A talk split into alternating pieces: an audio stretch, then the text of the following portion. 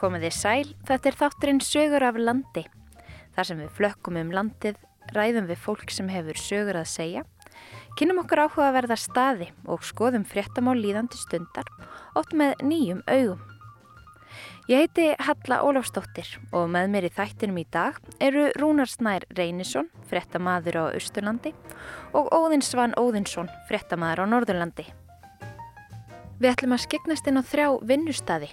Við byrjum á því að flækjast með Rúnari Snæjum eigilstaðaflugvöll og kynnumst fjölbreyttum störfum þar. Við getum orðað þannig að flugvilar og gæsir far ekki vel saman og þetta er alltaf misjönd, þetta er alltaf þegar fartímið stendur sem hæst þá getur verið alltaf mála að halda gæsinni frá. Þá höldum við í vestrahúsið á Ísafyrði þar sem margir einirkjar hafa aðsetur. Þeirra á meðal Sigurður Gísladóttir sem starfar sem dýralæknir í fiskeldi. Skoðum aðstæður, fylgjumst með þróun mála, tökum síni, skoðum fiskin utan og innan Og í lók þáttar höldum við í samkómuhúsið á Akureyri þar sem við hittum leikonuna Þórdísi Björk Þorfinnsdóttur. Dægin fyrir útskriftina mína úr LHI þá hérna ringir Marta Nordal, leikustjóri hérna fyrir Norðan. Hún hérna ringir í mig og býður mér hlutverk í vorið vaknar. Ég man bara tilfinninguna ennþá, það var bara guði sé lof að því ég vissi ekkert hvað ég var að fara að gera sko. En við byrjum fyrir austan. Rúnarsnær við ætlum að slást í för með þér á Eilstaðaflugvöll. Já, það eru kannski ekki margir sem áttu að segja því en um Eilstaðaflugvöll fara 75.000 farþegar á ári. Völlurinn er líka varavöllur fyrir Keflavík og sjúkraflug þarf náttúrulega geta lent þarna á öllum tímum og ég held að sé ekki margir sem gera sér grein fyrir því hvaða er í raun og veru mikil vinna að halda svona velli og náttúrulega flugbrautinni sem er 20 km laung, opinni allan sólarhingin, alla daga ársins og í hvaða veðrum sem er. En ég allavega hengdi mig á nokkra starfsmenn flugvallar eins á dögunum og fyrst hitti ég Ásker Rúnar Harðarsson. Hann er sem sagt umdæmistjóri Ísafja á Östurlandi.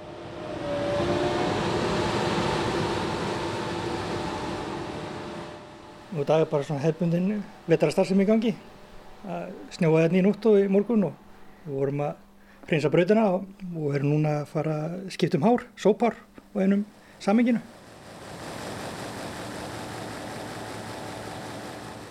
Já, við erum með törður mikið tækjum sem þarf til að við held að starfsemi flugullarins og, og vextaði til að þjónastöðu og á flugullinum starfa fyrir Ísafja 19 starfsmenn. Það eru fjórir í turninum af fyrst starfsmenn og það eru 12 starfsmenn á, á flugullinum, flugbreytastarfsmenn og svo starfsmenn á vextaði og skrifstofu. Þetta er kannski meiri starfsemi heldur en margan grunnar? Já, ég held að það sé nokkuð ljóst. Þetta er alltaf á flugullur vottar alltaf flugurlur af, af EASA og þetta eru bara starfsmenn sem eru á vaktavinnu og þeir sinna bara öllu viðhaldi á brautinni og einnig slökku á björgunni þjónustu. Ég var að kíkja á hérna hvað er þeir eru að bralla nýra á verkstæði? Já, endilega, skulum við rækla á það.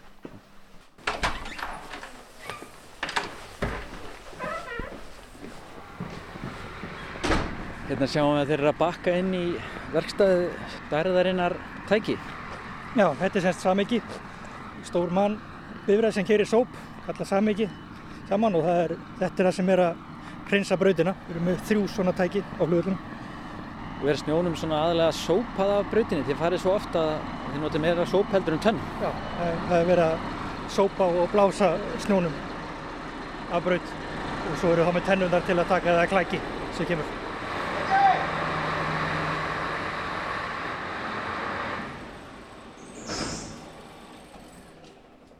Nikolás Brásson heiti ég og er björgunarstjóri á Egilstaðaflugvelli. Og hvað getur komið upp hérna á vellinum annað en að komi eldur í velar? Það er ímislega sem getur komið upp á. Sprungið dekk og ímislegt. Svona, já. Og völlurinn er hérna bara steinsnar frá lagarfljóti. Það er nú, þið þurfa að vera viðbúinir að skjóta út bátum.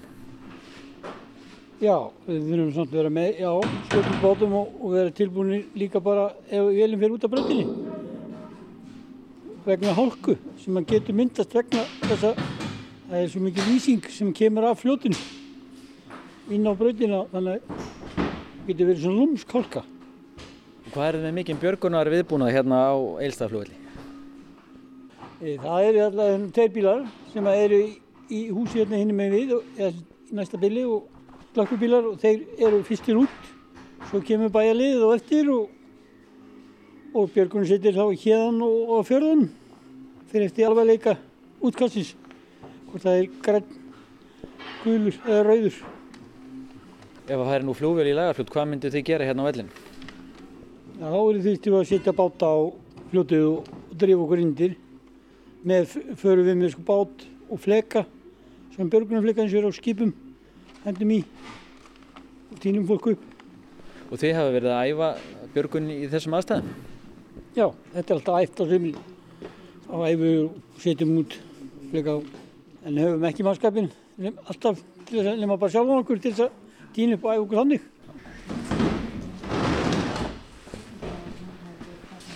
Góðan daginn. Góðan daginn. Það hefur aðeins spjallað við. Hörru, Þórhaldur Borgarsson heiti ég og er vaktstjóri. Það er alltaf bara að vera að fylgjast með brautinni, halda henni opinni, við horfum mikið á sjúkraflugið og séu öruglega klár fyrir það. Og síðan náttúrulega eins og staðan er í dag að þá er vont veður yfir landinu þannig að við vitum ekki alveg hvernig við erum með áallarflugið. Og eins og er núna þá erum við bara að gera klárt, við erum skipt um hári í sópum og aðtuga annan sóp sem er með, var með einhver leiðindi í morgun. Notum döða tíman á milli í þetta. Og hér þurfa öll tækja að, að virka. Já, hér reynum við að láta allt virka þannig að sé allt saman standbæði fyrir næsta kveld eða hvað sem þarf að gera næst. Það er mjög hárið. Fá þú jafn á hann. Þetta eru hérna svona laus hárjónu sem þarf að taka úr raufum, setja ný hári í staðin, þau slitna upp. Við náttúrulega ná hérna, snjónum að brautinni og þetta þarf að gera á svona 80-120 tíma fresti. Þetta er í raun og veru bara risáða sem výrbústið sem að snýst í ringi. Þið þurfa að fara vel með brautina, þið er ekkert að skakast á henni með tönnina mikið. Nei, hún var náttúrulega malbyggur núna í, í sumar og það hefur verið mjög, verið mjög gott að halda henni þokkarlega góðri núna. Þannig að þetta er, er stefnun að reyna að halda henni eins lengi og við mögulega getum. Og þið þurfum að vera hérna að móka brautina og, og sópa brautina allan sólarhingin alla daga ársins? Það er alltaf maður hérna 24 og 7, þannig að það er alltaf vingu hérna niður á vaktinni. Sjúkraflugi kemur á nóttinu og það kemur alveg fyrir þá þarf að kalla út ef aðstæðir eru slæmara. Þá þarf að halda, opna brautina eða halda henni opinni. En við reynum alltaf að ganga hann frá því að hún geti lent með svona 20 minna fyrirvara. En gerist það ofta brautin reynilega lokast vegna þess að það snjóar svo hróðalega því að það hefði ekki undan? Það gerist ekki oft. Ég hugsa að það sé ekki kannski nema einu svona á ári sem við lendum í svoleiðis aðstæðum að við ráðum illa við það sem er að koma niður. En við erum með þrjá sópa og öfluga vélar þannig að í flestum tilfellum gengur þetta. Þá tökum við í vestafalli það sem við kallum þryggjabíla sóp og þá vinnur turn og braut mjög vel saman. Við fáum bara lendingatíma vélinni og svo bara þegar ákveðum tími lendingu og þá förum við að staða sópa fram og tilbaka og þá getur vélirinn verið komið bara beint niður. Þá kemur hún bara beint í, í raskatið á sópunum? Nánast já, það er svona, við segjum það að það sé best þegar við hérna brautabílinn fer út og þá séum við að horfa lendingaljósin á henni hérna bara inn á eildanisinu. Og þið eru með mikla björgunagetu hérna á flugvellinum líka, þú ert aðeins í því en það líka björgunarsveita maður? Já, já, hérna, hér eru tveir slökkubílar alltaf standbæ og síðan erum við með bíl sem er gemdur í hjá brönnumörnum. Getum tekið á móti hérna þeim stærsti vélum sem er í íslenska flottanum. En þetta er varaflugöldu fyrir Keflavík þannig að það er að koma vélar hérna alltaf annars slægið sem að þegar við að Keflavík klokast. Og bara núna síðast um daginn sem að var svona áhaldun að hvort að hérna Amerikaflugi þurfti að koma hingað. Það er við ímislegt að glíma hérna á Eilstaflugvelli. Það er ekki bara á veturna, það er líka kannski á vorin þegar að gæsin hópast til landsins. Við getum orðað þannig að flugvilar og gæsir far ekki vel saman og þetta er náttúrulega misjönd, þetta er náttúrulega þegar fartímið stendur sem hæst þá getur verið alltaf mál að halda gæsinni frá. Heiðagæsin er alltaf erfið við okkur, hún er kvik og er meira á ferðinni heldur en grágæsin. Þetta er svona hver dagur er svolítið, svolítið sérstakt tilfelli kannski en við höfum sloppið til til að vel frá þessu, það er ekki oft sem við lendum í aðtökum með fugla. Og þið eru með ákveðin viðbúna þegar þeir eru mikið að gæsum hérna í kringum völlinni það ekki? Jú, við erum með ílur og það farir reglulega í fælingaferðir og, og við erum með blísbissur og ílubissur og, og það sem til þarf. En þið hafa aldrei farið í það að bara fækka fugglinn? Það er eitt möguleiki sem við höfum en hérna, það er svona síðasta sort en ef við lendum í miklu vandræðum þá virkar ótt að fara með haglabessar skjóta þreim fjórum skotum, það er kvekkjast einhvern veginn meira við það heldur en ílunar en við beitum öllum vopnunum í vopnabúrunum ef því er að skipta. Sko hafa flugmenn kvarta undan þessum gæsum og sé hópa eh, fljúi í veg fyrir vilar? Þeir viðtalva gæsin hérna á túninu og vandamáli hjá okkur er að náttstæðarunni hérna vestan við bröttin og fóðustöðunur austan við bröttina þannig að það er að fara hérna á milli og yfir brött og það er náttúrulega bara skapra ákveðna hættu. Góðan daginn. Fýnt bara, megum við aðeins spjalla við verkstæðismannin. Yngvar Hólsson, uh, vestæðismann. Ég hef nú bara að reyna að finna hérna út í bylun í, í búkvallun okkar hérna í sópnum.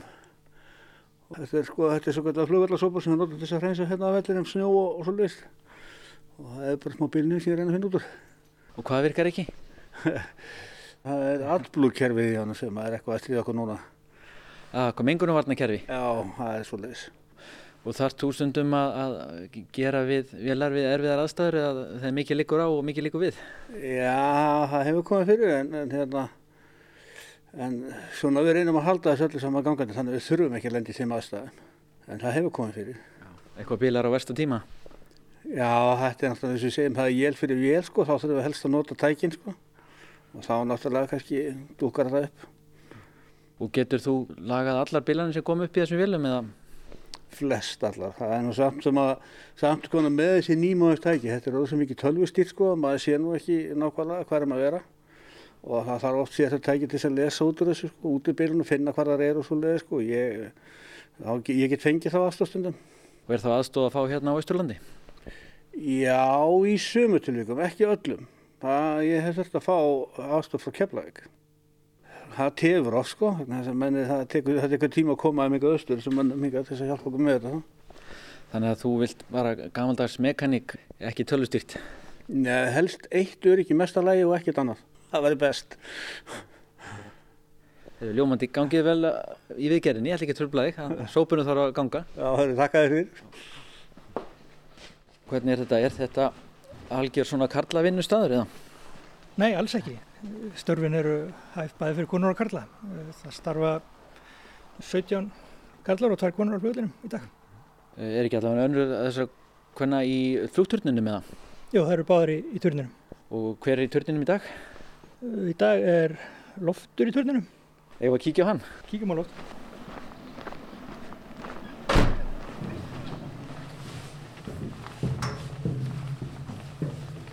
Kom það inn. Loftur Magnússon, flugradjómaður. Og hvert er nú svona þitt hlutverk hérna? Já, það er að gefa upplýsingar til flugvila, aðalega, veður og brautarskilirði. Og það er nú kannski ekki hérna eins og mörgum flugvillum að þú þurfa að passa þig á að það sé ekki tværi vilar á vellinum á sama tíma? Já, það er akkurat, það er að passa á það. Það séu allir með meðvitaður um alla sem eru í kringu sig. Og svo er náttúrulega stundum hérna á sveimi enga flugvilar eða svona litlar vilar sem að heimamenn eiga þarf ekki að fylgja stolti með þeim? Jú, við þurfum að passa þær við erum náttúrulega með örgis eftirlit með þeim til þess að geta kallað út eða skilja sér ekki heim Og það er vakt hérna í turninum allan solringin og, og hvernig eru næturnar hérna í turninum? það eru nú yfirlega trekka rólegar, lítið um flug það þarf alltaf að senda veður og klukt í annan resti Hefur það með í bóki í vinnuna eða, eða hvernig, hvernig drepa menn tíma þá ef það er rólegt? Já, það er ímyndið sem það er að gera við, náttúrulega, það þarf að resta í kringur sig og svo er ímyndið svona símentun og endurmentun og alls konar hinn og ymsutægi, þannig að það er alltaf, maður finnur sér alltaf eitthvað að gera, sko. Já, eitthvað uppbyggilegt. Já, nákvæmlega, sko, nákvæmlega. Þannig að okkur leiðist ekkit, sko, en við látum okkur ekki leiðast. Og, hérna, og þetta er mikilvægt starf hérna, að það sé vakt hérna en það getur sjúkravílinn þurft að koma hér á hvaða tíma sem er? Öllum tímam, já, já, hún kemur á öllum tímum þannig að það skiptir mjög miklu máli já, að veðrið, veðrið sé rétt og það sé fylgst vel með og brautin sé höfði lægi og svo náttúrulega eru við varavöllur þannig að það kemur annars lægi fyrir að það lokast í keflavík og þá koma það náttúrulega til okkar nú eða Akureyri náttúrulega. Og þú fylgist hérna með veðrinu og hefur gott útsýni hérna í törninum og þú þarf nú meðal annars að leggja mat á, á skíafar og ýmislegt eða ekki? Jú, jú, allt svo leiðis. Við erum með góða græjur líka sko og svo náttúrulega skiptir bara máli að fylgjast með. Veðrið þetta snýst aðalum veður. Og þið eru nú að skjóta á loft hérna einhverjum veðurbelg er það ekki einu svona dag eða hvað? Jú, þeir gera það strákvæðinir úti einu svona dag klukkan 11. Fylgjast með hálóttavindum. Og hvernig er það hérna í törninum? Hver er það sem að metur hvort að það sé óhætt að lenda hérna út af bara vindi og öðru? Þarf þú að meta það eða? Nei, við metum það ekki. Það er bara fljómenninni sem meta það, hvort þeir treysta sér í þetta sko. Þannig að við gefum bara hvernig þetta lítur út og svo er það þeirra að ákveða hvað er, hvað er mega og geta. Við ákveðum ekkert. Þeir eru takk hella fyrir spjalli? Já, svo leiðist takk.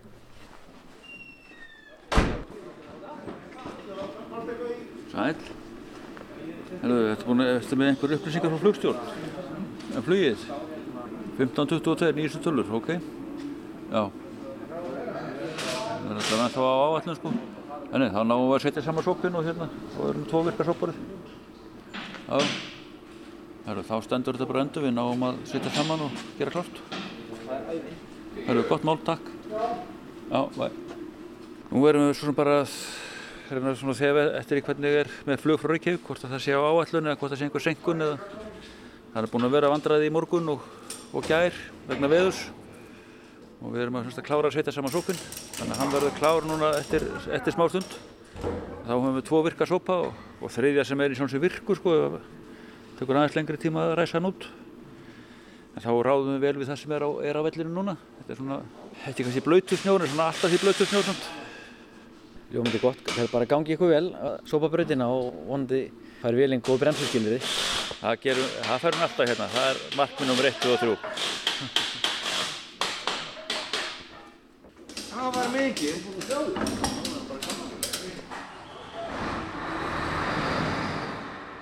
Rúnar Snær Reynisson rætti við starfsmenn á Egilstaðaflugvelli. Áskir Rúnar Harðarsson, Nikolás Bragarsson, Þórhall Borgarsson, Yngvar Rolfsson og Loft Magnússon.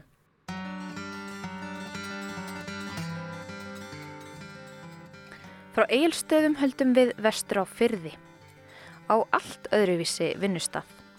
En í vestrahúsun á Ísafyrði starfa margir einirkjar, oft starfsmenn stopnana og fyrirtækja sem eru með lítil útubú á vestfyrðum.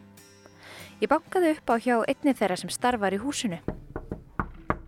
En hún sinnir nokkuð nýtilkomnu starfi sem dýralæknir fyrir eldisfiska. Já, velkomin. Ég heiti Sigriður Gísladóttir og ég er dýralæknir í fiskeldi og vinn hjá fyrirtæki sem heitir Blár Akur á Ísafjörði. Meitt. Hvernig kemur það til að þú fært að starfa í, í, í þessum geira?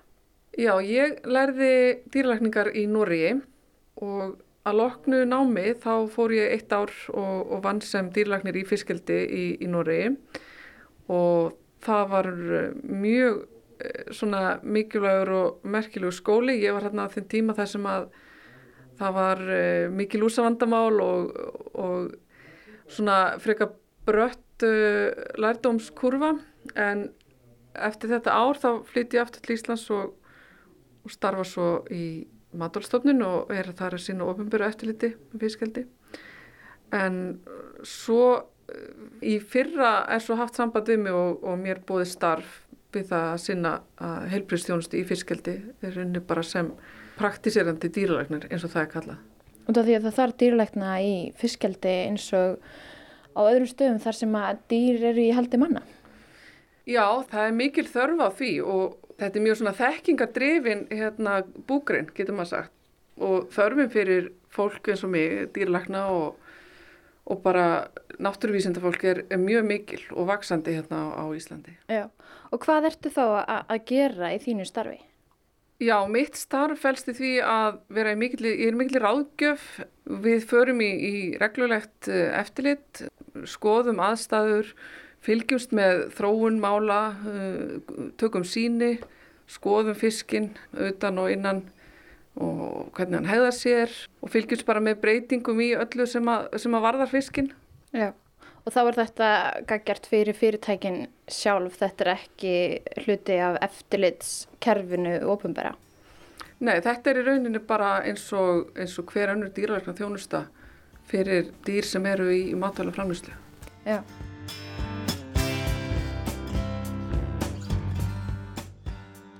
En þóttu sért eini í starfinu þá ertu með aðsetur hérna í vestrahúsinu og, og fær kannski eitthvað félagskap út úr hinum einarkjónum sem eru hérna.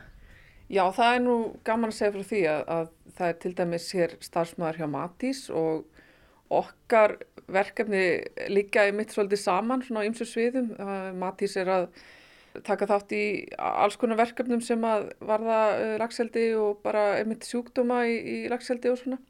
Og svo er náttúrulega bara gott að geta skroppið yfir á, á veðurstofuna og, og spurt um hérna, hafísspá og, og þess aftar. Þótt að þetta sé skrifstofan þín hér, þá er kannski starfið þitt mikið til úti?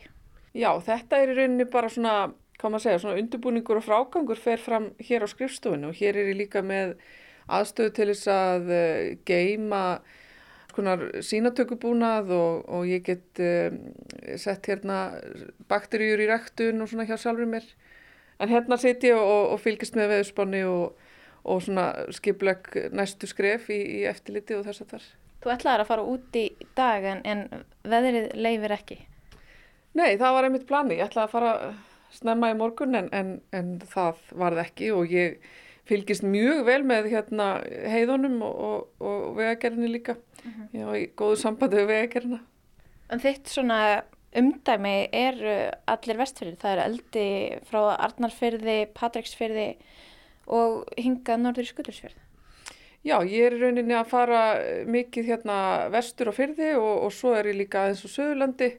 Uh, þar eru fyrirtæki sagt, fiskaldi á landi og þannig að þetta er í rauninu út um allt. En staðan í dag, þetta hefur vaksið rosalega hrætt undarfærin ár. Hvað, hvað er þetta orðið umfangsmikið lagseldið hérna bara eins og þessu svæði sem þú ert að sinna? Kanski góðu mæli hverja á þetta er einmitt að, að nú er orðin þannig þörf fyrir dýralæknarþjónustu að þetta starf var til hér fyrir vestan. Bara fyrir nokkurum árum var engin starfandi dýralæknir sem að syndi eldisfiski nema bara að hluta til og núna eru við að minnstakosti þrjú sem erum í fullu starfi við þetta. Sér þú það þannig að þessi, þetta er komið til að vera lagseldi?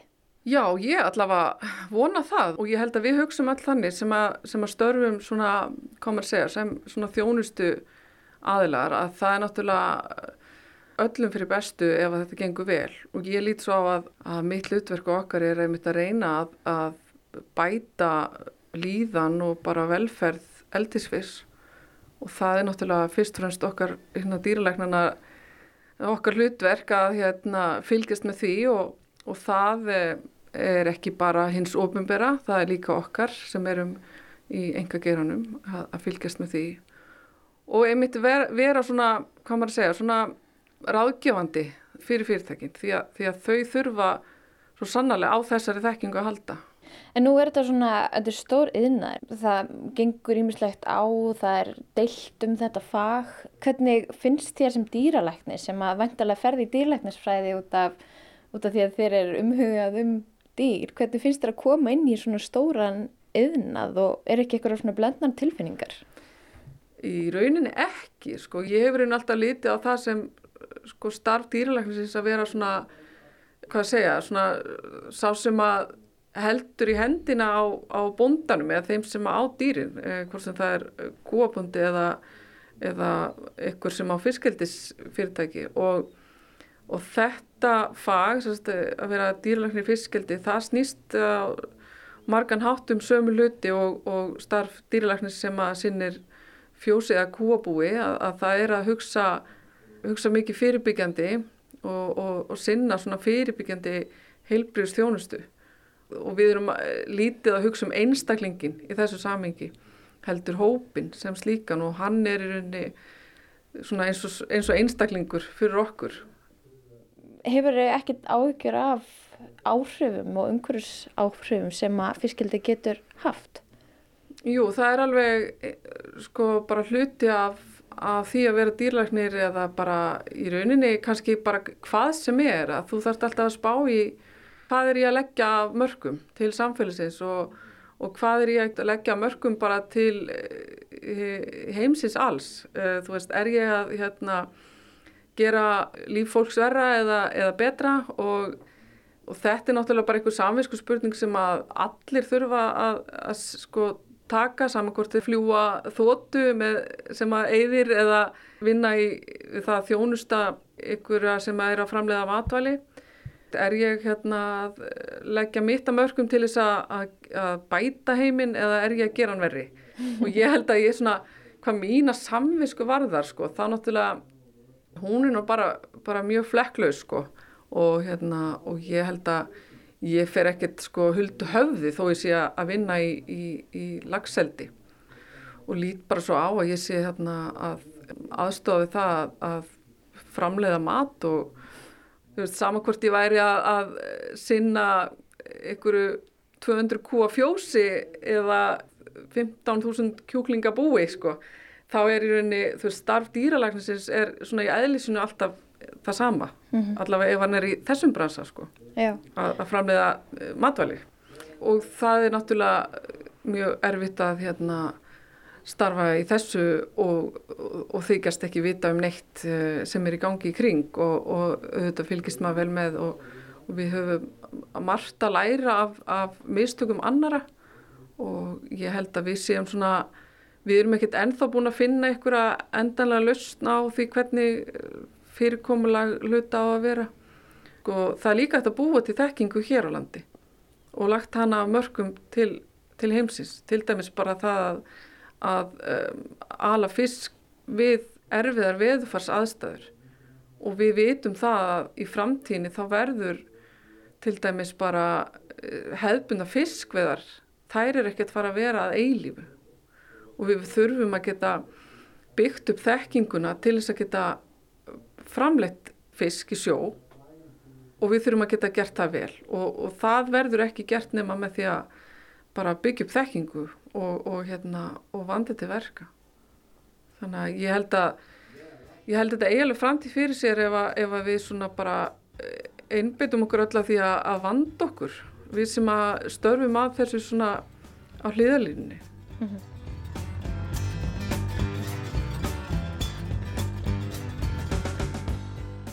Þessi kassi hefur til dæmis átt að fara með þér kannski í vettvangsferðina eða hvað?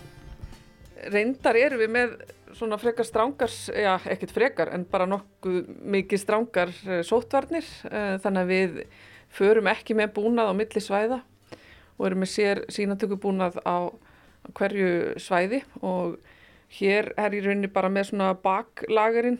Ég er hérna með sínatöku glös til dæmis, hér er kassi svona fyrir PCR síni.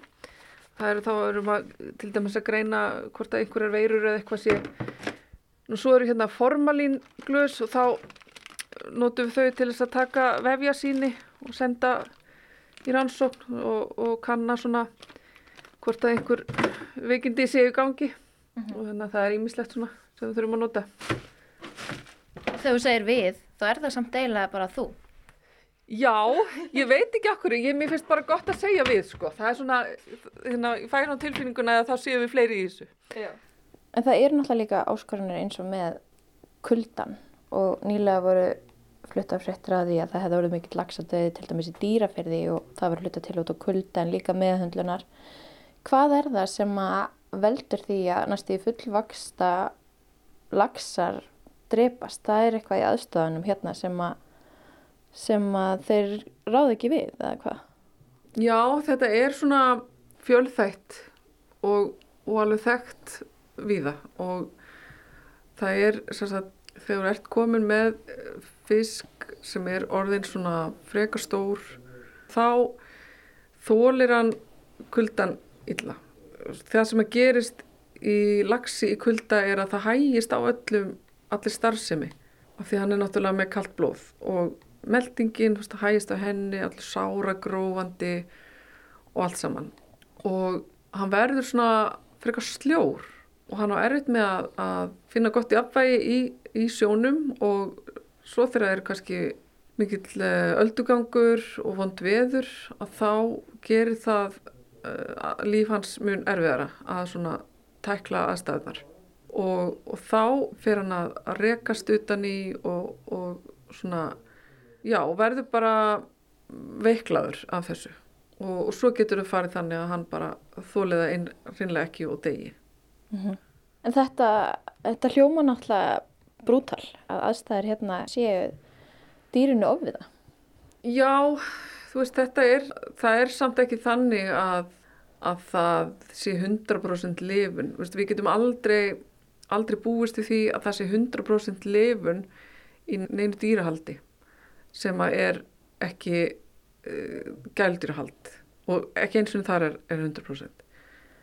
Þetta er uh, bara hluti af því að vera með dýr í matalframlýslu en, en það sem er hægt að gera er náttúrulega að reyna að, að finna uh, og koma í veg fyrir að aðstæðinu skapist og reyna að meta og sjá fyrir og, vera, og hugsa, hugsa fyrirbyggjandi og það er svona kannski það sem að uh, dýraræknar sem að sinna uh, dýrum í matalframlýslu þurfa helst að, að díla við á hverjum degi. Og vera með heilbyrjastjónustu sem er fyrirbyggjandi.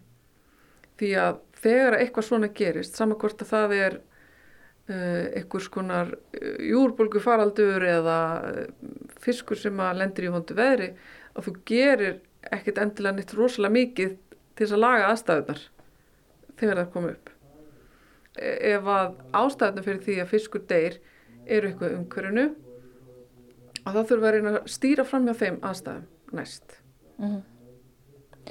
Það hefur margt breyst í samfélaginu okkar bara viðhorf til matalaframlöslu og slíkt. Heldur það geti skapast sátt um lagseldi hérna á vistfinni? Já, ég eiginlega vona það og, og svona hef trúaði. Ég held að meðan við erum að uh, byggja þetta upp og þetta er náttúrulega í uppbyggingu og þetta er náttúrulega bara eins og öll önnur matalaframlösla með það sem dýr eru notuð, þá hefur þetta sína áskoranir. Og, og ég reynlega vona að, að uh, samfélagi geti farið að hugsa á þann vega að þetta er eitthvað sem við ætlum að reyna að gera vel og, og reyna að gera betur á næstu árum. Og fólk sjáu að þetta sé eitthvað sem að þessi grein sem að uh, er þessi virði að, að taka þátt í að, að, bæta og það er allavega þannig sem ég hugsaði hvað get ég gert til þess að hérna, bæta framlýsluna og bæta uh, bara aðbúnaðinn og, og rauninni bara já, koma með þá, mína þekkingu og reynslu að þessu já, á sem bestan hátt og sem, sem dýralæknir og fagmanniski. Gangi vel, Sigriður Gísladóttir í áframhaldandi verkefnum. Takk fyrir mig sem leiðis.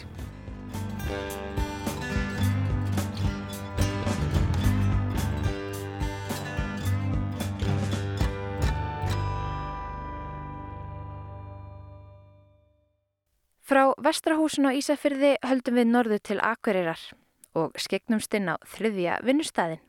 Í þetta sinn með Óðni Svann. Já, ég hef ekki farið bara á líflegasta vinnustæðin á Akureyri. Ég hugsa það. Ég fór í leikfélag Akureyrar og hitti stórleikununa Þórdísi Björk Þorfinnsdóttir. Við settumst niður í, í samkómuhúsinu þar sem að þessa dagana er verið að sína skuggasvein, þar sem hún leikur einmitt eitt af aðalhuturkonum. En hún Þórdís, hún er mjög fjölhæf kona, svo ekki sé meira sagt. Hún er söngkona, rappari, lesin á teiknimyndir og alls konar. Við Þórdís settum staðis niður og fórum yfir hlutina og ég held ég geti fullir þetta Þórdís sé svona með þeim litrikari sem ég hef allan að spella við. Þú bara sitja hér? Jú, jú, ég held það. Bara í, er næst? í salum, ég held það sé bara fínt, sko. Gekkja. Já, við sitjum hérna í samkómuhúsinu á Akureyri þar sem að þú ert að sína, ekki fyrsta skipti, en kannski byrjum á þér, bara hver, hver er Þórdís Björk? E, Þórdís Björk, ég er þrítug uh, úr Reykjavík, leikona og tónlistakona. Áttu þessa klassísku sögu um að þegar þú varst fimm ára þá sagður allavega ætlar að verða leikona og söngkona? Já, ég var eiginlega bara strax búin að ákveða það, bara síðan ég man eftir mér var það bara alltaf planið sko, það kom eiginlega aldrei neitt annað til greina.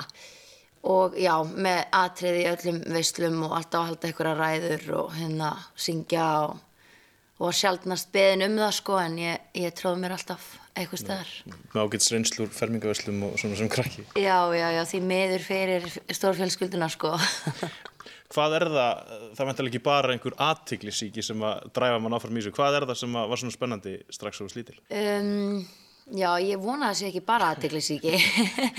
hérna, ég veit ekki, þetta er náttúrulega bara, þú veist, þetta er listgrein og þetta er listin og þetta er, þú veist, að vilja segja ykkur sögu, hreyfa við fólki, uh, láta fólk upplifa eitthvað, eitthvað tilfinningar, breyta einhverju, þetta er held ég, já, mest kannski bara segja sögur. Mér er alltaf myndist það mjög skemmtilegt. hvað er svona, hvað er raugriðt skref að því að þú vendilega verið með hálfleitt markmið þarna strax mjög ung? Já, svo fer ég bara í mentarskóla og, og er í Vestunarskóla Íslands þar sem ég er að taka þátt í uppfæslum þar og fer í söngakenni framhaldsskólana fyrir hönd Vestunarskólans og eftir mentarskóla þá var ég alltaf bara harda ákveðin í því að fara í indökupröfu fyrir allá þannig að uh, ég fer strax að sækja um þar, kemst ekki inn í fyrstu tilraun sem var mjög mikið högg sko að ég hafði mjög mikla trú á sjálfur mér sko og ætlaði bara alla leið sko kemst ekki inn, kemst í lokahópin sko 20 manna lokahóp og það er náttúrulega bara fá pláss í bóði og svona uh, fæ þetta nei og set upp síningu í gablarleiku svona í hafnafyrði með fimm vinkunum mínum sem voru allar líka að hérna, stefna á leiklist og gerir það í eitt ár, fer í myndlistaskólan í Reykjavík og er svolítið í myndlistan í eitt ár eða eitthvað og sækir svo aftur um ég allá í og kemst inn. Er það ekki mjög algengt? Það eru miklu fleiri sem sækjum heldur en komast inn? Jú, það er mjög algengt og það er ekkit, ég held að það er eitthvað svona, eitthvað endastöð að komast ekki inn í fyrstu tilraunin en þegar ég lítið baka þá var það bara, meika það bara sens á þeim tíma, þetta raðaðist allt bara mjög vel upp sko, á sama tíma er líka að byrja í Reykjavíkudæturum þannig að það, ég hefði sennilega ekkert farið í Reykjavíkudætur ef ég hefði komist inn í allá í fyrstu tilhörn sko.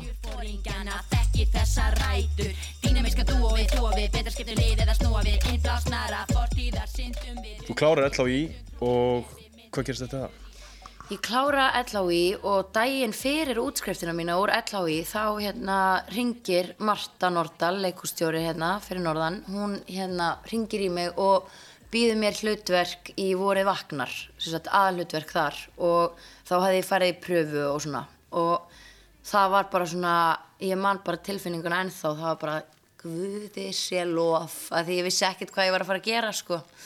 Þannig að ég fæ það tækifæri strax eftir út, útskrift og fer norður bara hérna um haustið. Og er, eh, fyrir þá sem ekki vita, leikfélag Akureyri, er þetta eins og borgarleikusi og þjóðleikusi, ertu starfsmáður leikúsins fastráðin eða hvern, hvernig virkar þetta? Já, ég reynir þetta ekki fastráðin út verkefnaráðin sko, þau fastráði held ég ekki lengur hérna fyrir norðan en, en þú ert verkefnaráðin bara með samning, kannski 1, 2, 3 verkefni jafnvel uh, og ég var sérstaklega verkefnaráðin inn í til dæmis voru vagnar og það er bara þú veist, já, það er, það er náttúrulega ekki mörg atvinnu leikhús og fá tækifæri og að fá tækifæri til að vinna hér í atvinnu leikhúsi með hérna öllu þessu hæfileikaríka fólki sem að vinnur hérna er bara sko ómetanleg reynsla fyrir eitthvað sem er ný útskrifaður og alveg blöytur á baka eirun sko. Þú hafa átt enga tengingar við Akureyri? Nei, í raunin ekki. Fóreldra mínu voru enda bændurinn í austur húnavarsíslu sem hún er ekki langt frá en hérna þannig að nei, ekki við Akureyri en hérna, en núna er ég bara, líður mér pínu eins og að hérna mér líður pínu eins og Akureyringi sko Segir það sérstað norðan? Ég, ekki, þú er ekki alveg að segja það sko en, en mér langar að geta sagt það sko Var það ekki líka bara, þú talar um að þetta sé mikið skref fyrir þig að fara út í atvinnuleikus, var ekki svolítið skrefa bara pakka allir saman og flytja norður verandi á, höfðborgarsæðinu og eiga, eins og segir, mjög litla tengingu hérna þá allavega? Jú, það var það algjörlega. Ég var mjög heppin að það voru tveir hérna bekkjafélagi mínir úr listaháskólanum sem að fengu hlutverk í sömu uppfæslu.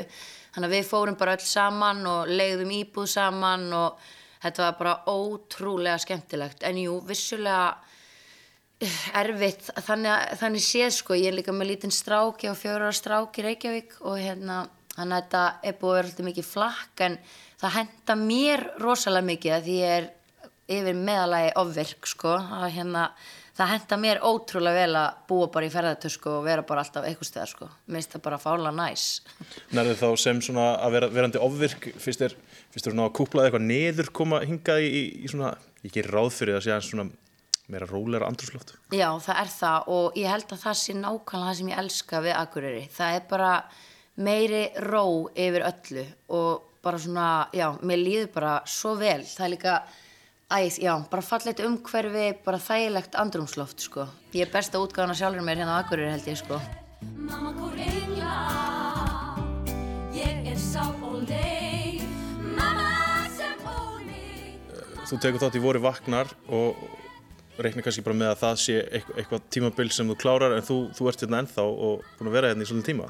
Já, einmitt, ég einhvern veginn sá það ekki alveg fyrir en ég er búin að vera ótrúlega lánsöm. Ég fekk svo aftur tækifæri til að koma engað eftir náttúrulega COVID og hérna mikið lockdown allstaðar í leikusunum.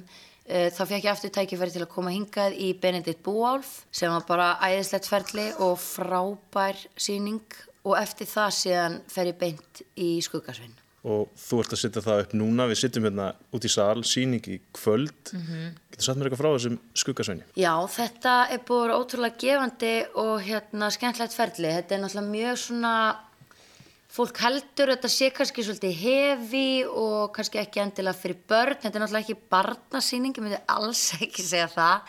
En þetta er samt, þetta er samt sko, það er svona húmor og léttleiki í þessu og þetta er náttúrulega bara svona íslenskur menningar arfur uh, þetta verk. Og að fá að leika það og þetta er svona eins og sérð hérna það er þú veist við erum með gömul leiktjöld við erum með hérna gamlar hérna gömul málverk eftir Sigur málara, málara. Og þetta er mjög svona einhvern veginn svona óður til gamla leikhúsins en svo er Marta Nordal búin að ná að poppa þetta líka svolítið upp þannig að þetta er pínu svona já, kúreka þema og ég er ekkert vissum að svona hérna eldra fólk sem kannski heldur að sé að fara að sjá okkar klassíska síningu það kannski verður kannski fyrir pínu vonbreiðum en við reynum samt að halda líka í klassíkina í bland við svona nýja nálgun á þetta.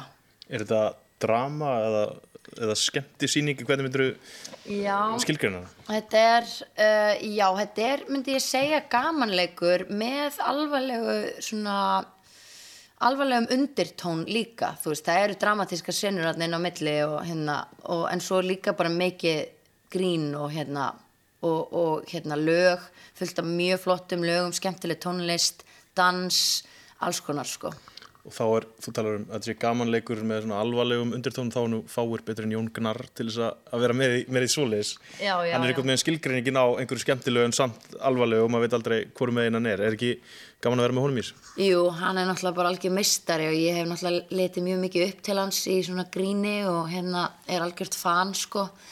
Uh, hann er náttúrulega bara snillingur og hann, hann gerir þetta bara óaðfinnanlega sko. Það er er opinn og þessar dyr Nei, aldrei hef ég séð það gerast fyrr Meðfram þessari leiklist þá ertu alltaf búin að vera að talsitja teiknimyndir og ég held að margir kannist við röddina hérna úr Frozen og, og kúlugúpum Allir foreldra landsins hérna, ég hef sjálfur þrjúpaðin og ég hef örgulega hort á fleiri þetta kúlugúpum en í kærmum uh, Hvernig, hvernig hverði þetta? Uh, já, ég slisaðast nú eiginlega bara inn í þetta. Uh, það var bara algjör hefni. Ég fór í pröfu fyrir Frozen 1 árið 2013. Það var sagt vinu minn að vinna í stúdíónu og var að, var að taka upp einhverja pröfur og, og ég kem til hans í kaffi. Það var stúdíó sem hann er í bæ og hann segir eitthvað svona, heyrðu, þú getur nú alveg sungið, hérna getur ekki sungið hérna eitt lag fyrir einhverja pröfu á einhverju teiknimynd og ég bara eitthvað jújú, jú, ég get nú alveg gert það syng þetta lag, veit ekkert fyrir hvaða mynd þetta er og svo ringir hann í mig einhverjum tveim vikur setna og bara heyrðu Disney var að samþekja þig hérna fyrir Frozen teiknumyndina aðalhutverk og ég hafði bara ekki hugmynd um hvað það er því ógeðslega stór teiknumynd og það er að fyrsta sem ég talsett sko. Það byrja bara á toppnum eiginlega og pínu leiðilegt sko því ég mun einhvern veginn aldrei ná þessu held ég aftur sko. En þú ert alltaf sko þegar þú talsetur fyrir kúlugúpa þá er það er á leginni niður, Já, vistu það? í rauninni sko, nei, nei, nei það er bara allt annars eðlis, það er þú veist ég talset bæði mjög mikið að badnaefni og svo líka hérna þessar Disney myndir og Dreamworks myndir sem komin á milli og svona sem er bara mér finnst það bara ótrúlega skemmtilegt og ég er bara verið mjög heppin að fá þau tækifæri og geta þjálfað þann vöðva sko En nú er svona starfleikara, gerir ráð fyrir svona pínu úr einu verkefni í annað og þú ert að jökla því að leiki leikúsi, talseta, eitthvað að lesa svona hljóðbækur er það ekki? Mm -hmm. Er þetta, Er þetta bara veruleikin fyrir íslenska leikara að þurfa að vera svona hér og þar bara til þess að bara þetta gangi upp fjáraslega eða er þetta bara, því finnst gaman að gera þetta? Já, ég held allan að þú veist, þegar maður er verkefnaráðin í leikhúsunum og eitthvað, þá í rauninni er það bara alveg feikin út til að eiga salt í gröðin, sko, en eins og ég kom inn á hann, þá er ég snar ofvirk og ég verð að hafa hundra hluti að gera, annars er ég ekki funksjónal manneskja, sko, þannig að ég, það er alltaf gott að hafa þetta inn á milli til að grýpa í, sko, ef að, ef að eitthvað róast hjá manni, en mér finnst langt best að vera bara að gera allt, sko. Þetta er ekkert fyrir að taka langt sumafrí og styttingu vinnuvikunar og allt þetta? Nei, ég bara, það henda mér held ég bara ekki, sko. Ég hef alltaf tíma til þess að horfa sjónvarpi heim með mér, sko. Þú ekki bara leikuna, þú er eitthvað að syngja líka og ert hlutið af Reykjavíkudæturum sem hafa nú farið með heiminskautum undanfærin ár. Mm -hmm. Hvernig kom það til? Uh, já, ég myndi að byrja nú bara að rappa sem lítið barna því að tvo eldri bræður og þeir hérna, ég hlustaði bara á rapp tónlist sem barn en ég ætlaði nú svo sem aldrei að verða eitthvað rappari. Uh, ég syng mikið, uh, syng eiginlega langmest í Reykjavíkudæturum þó ég rappi stöku sinnum líka en hérna, já að vera tónlistakona var líka alltaf, alltaf draumur sko þannig að ég næja saman þetta svolítið vel með Reykjavíkudætur og, og svo leikhúsið þið hafa verið að túra út um allan heim, er það ekki? Er það ekki svona kannski eitthvað sem fólk veit ekki alveg af? Hérna, sér eitthvað eins og tvisur ári hérna en þið eru stóru hluta ásins að gigga á einhverjum stórum svona hátíðum og eitthvað ellendis? Jú, það er nefnilega kannski eitthvað sem fólk veit ekki af sem það ætti nú kannski að vita af þegar það fyrir að kjósa fyrir söngvakefnina Nei, hérna uh, já, við höfum verið að gera það mjög mikið uh, við spilum og höfum verið að spila mjög lítið hérna heima. Það er kannski eitt, tvei festival sem við tökum hérna heima. En fyrir COVID þá vorum við að fara út minnstakosti kannski einu sinni mánuði að spila á bara stærstu festivalum í Evrópu og við erum bara, ég hef bara ekki tölu á hérna, ferðanum sem við erum búin að fara í og það er ekkert, þú veist, bara fyrir mörg þúsund manns, við spilum risa gig á Róaskeldu og bara, já, erum náttúrulega búin að fá verðlaun sem besta up and coming hip hop act í Evrópu og Já, já, það er náttúrulega mjög lítið talað um þetta því meður, ég veit ekki, það er kannski bara því við erum konur eða eitthvað. Þánga sem allt er óskrifa blad Já, við teljum niður tíma þar til við skrifumst í stjórnirnar Af hverju heldur að þið náðu betur í gegn út í hinnum stóra heimi heldur en bara hérna á litla Íslandi? Er þetta, eru Íslandingar ekki tilbúinir í, í stóra hvern rappljómsitt? Já, ég held að Íslendingar, Íslendingar eru náttúrulega pínu lokaðir og þeir þurfa svolítið svona tíma til að vennjast nýjungum held ég. Geta verið svolítið íhjaldsamir með marga hluti og, og þurfa held ég bara, já, tíma til þess að vennjast einhverju nýju og svona ná að kaupa það sko. En hérna, og ég held líka þegar við byrjum, þá byrjum við með svo miklum kvelli, fólk var bara eitthvað hérna í sjokki, hvað er þetta eiginlega? Og við vissum það alltaf sjálfar sko.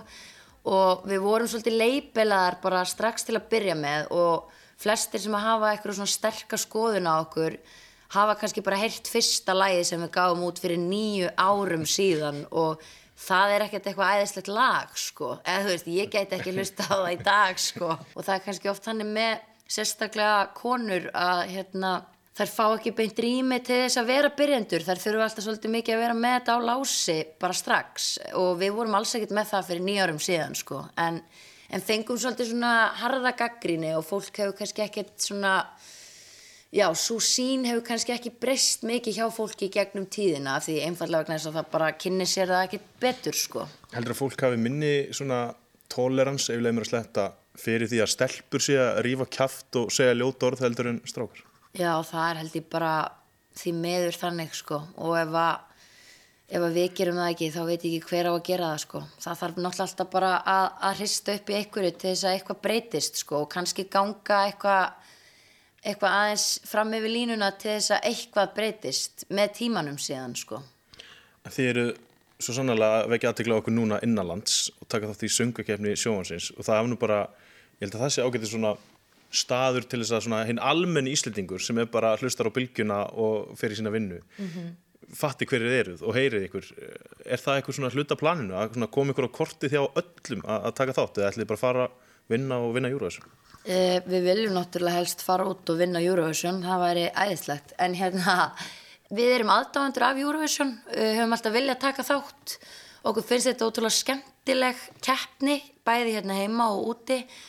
Og þetta hefur bara alltaf verið draumur hjá okkur. En við erum held ég fyrst og fremst að gera þetta bara því okkur finnst það skemmtilegt. Og ég held að það muni vonandi hérna smittast yfir sko til þeirra sem að horfa að okkur finnst þetta svo gaman. Við elskum bara að vera á sviðinu Ertu Sigurvis heldur að þið geti bara unnið þessu keppni og farið út og, og verið bara tekið og daði freyr?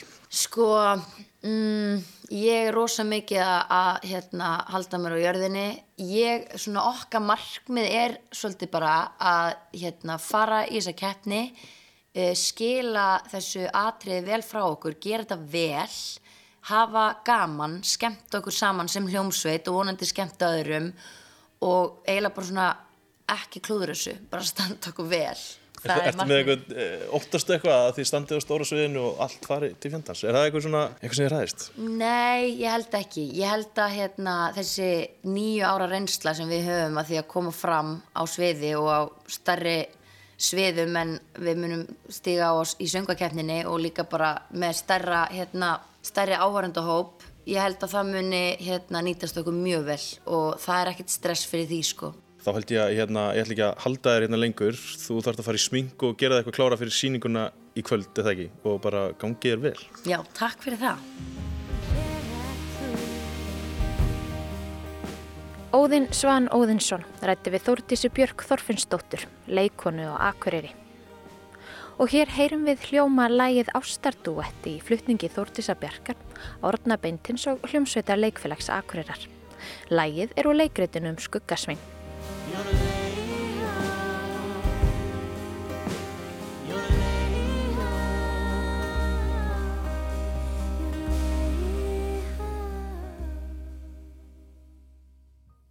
En þá komum að lokum hjá okkur í sögum af landi. Viðmælendur í dag voru auk Þórtísar Bjarkar, Sigurður Gísladóttir, dýraleknir á vestfjörðum og starfsmenn Eilstaðaflugvallar. Við þökkum þeim sem hlýtu, lifið heil.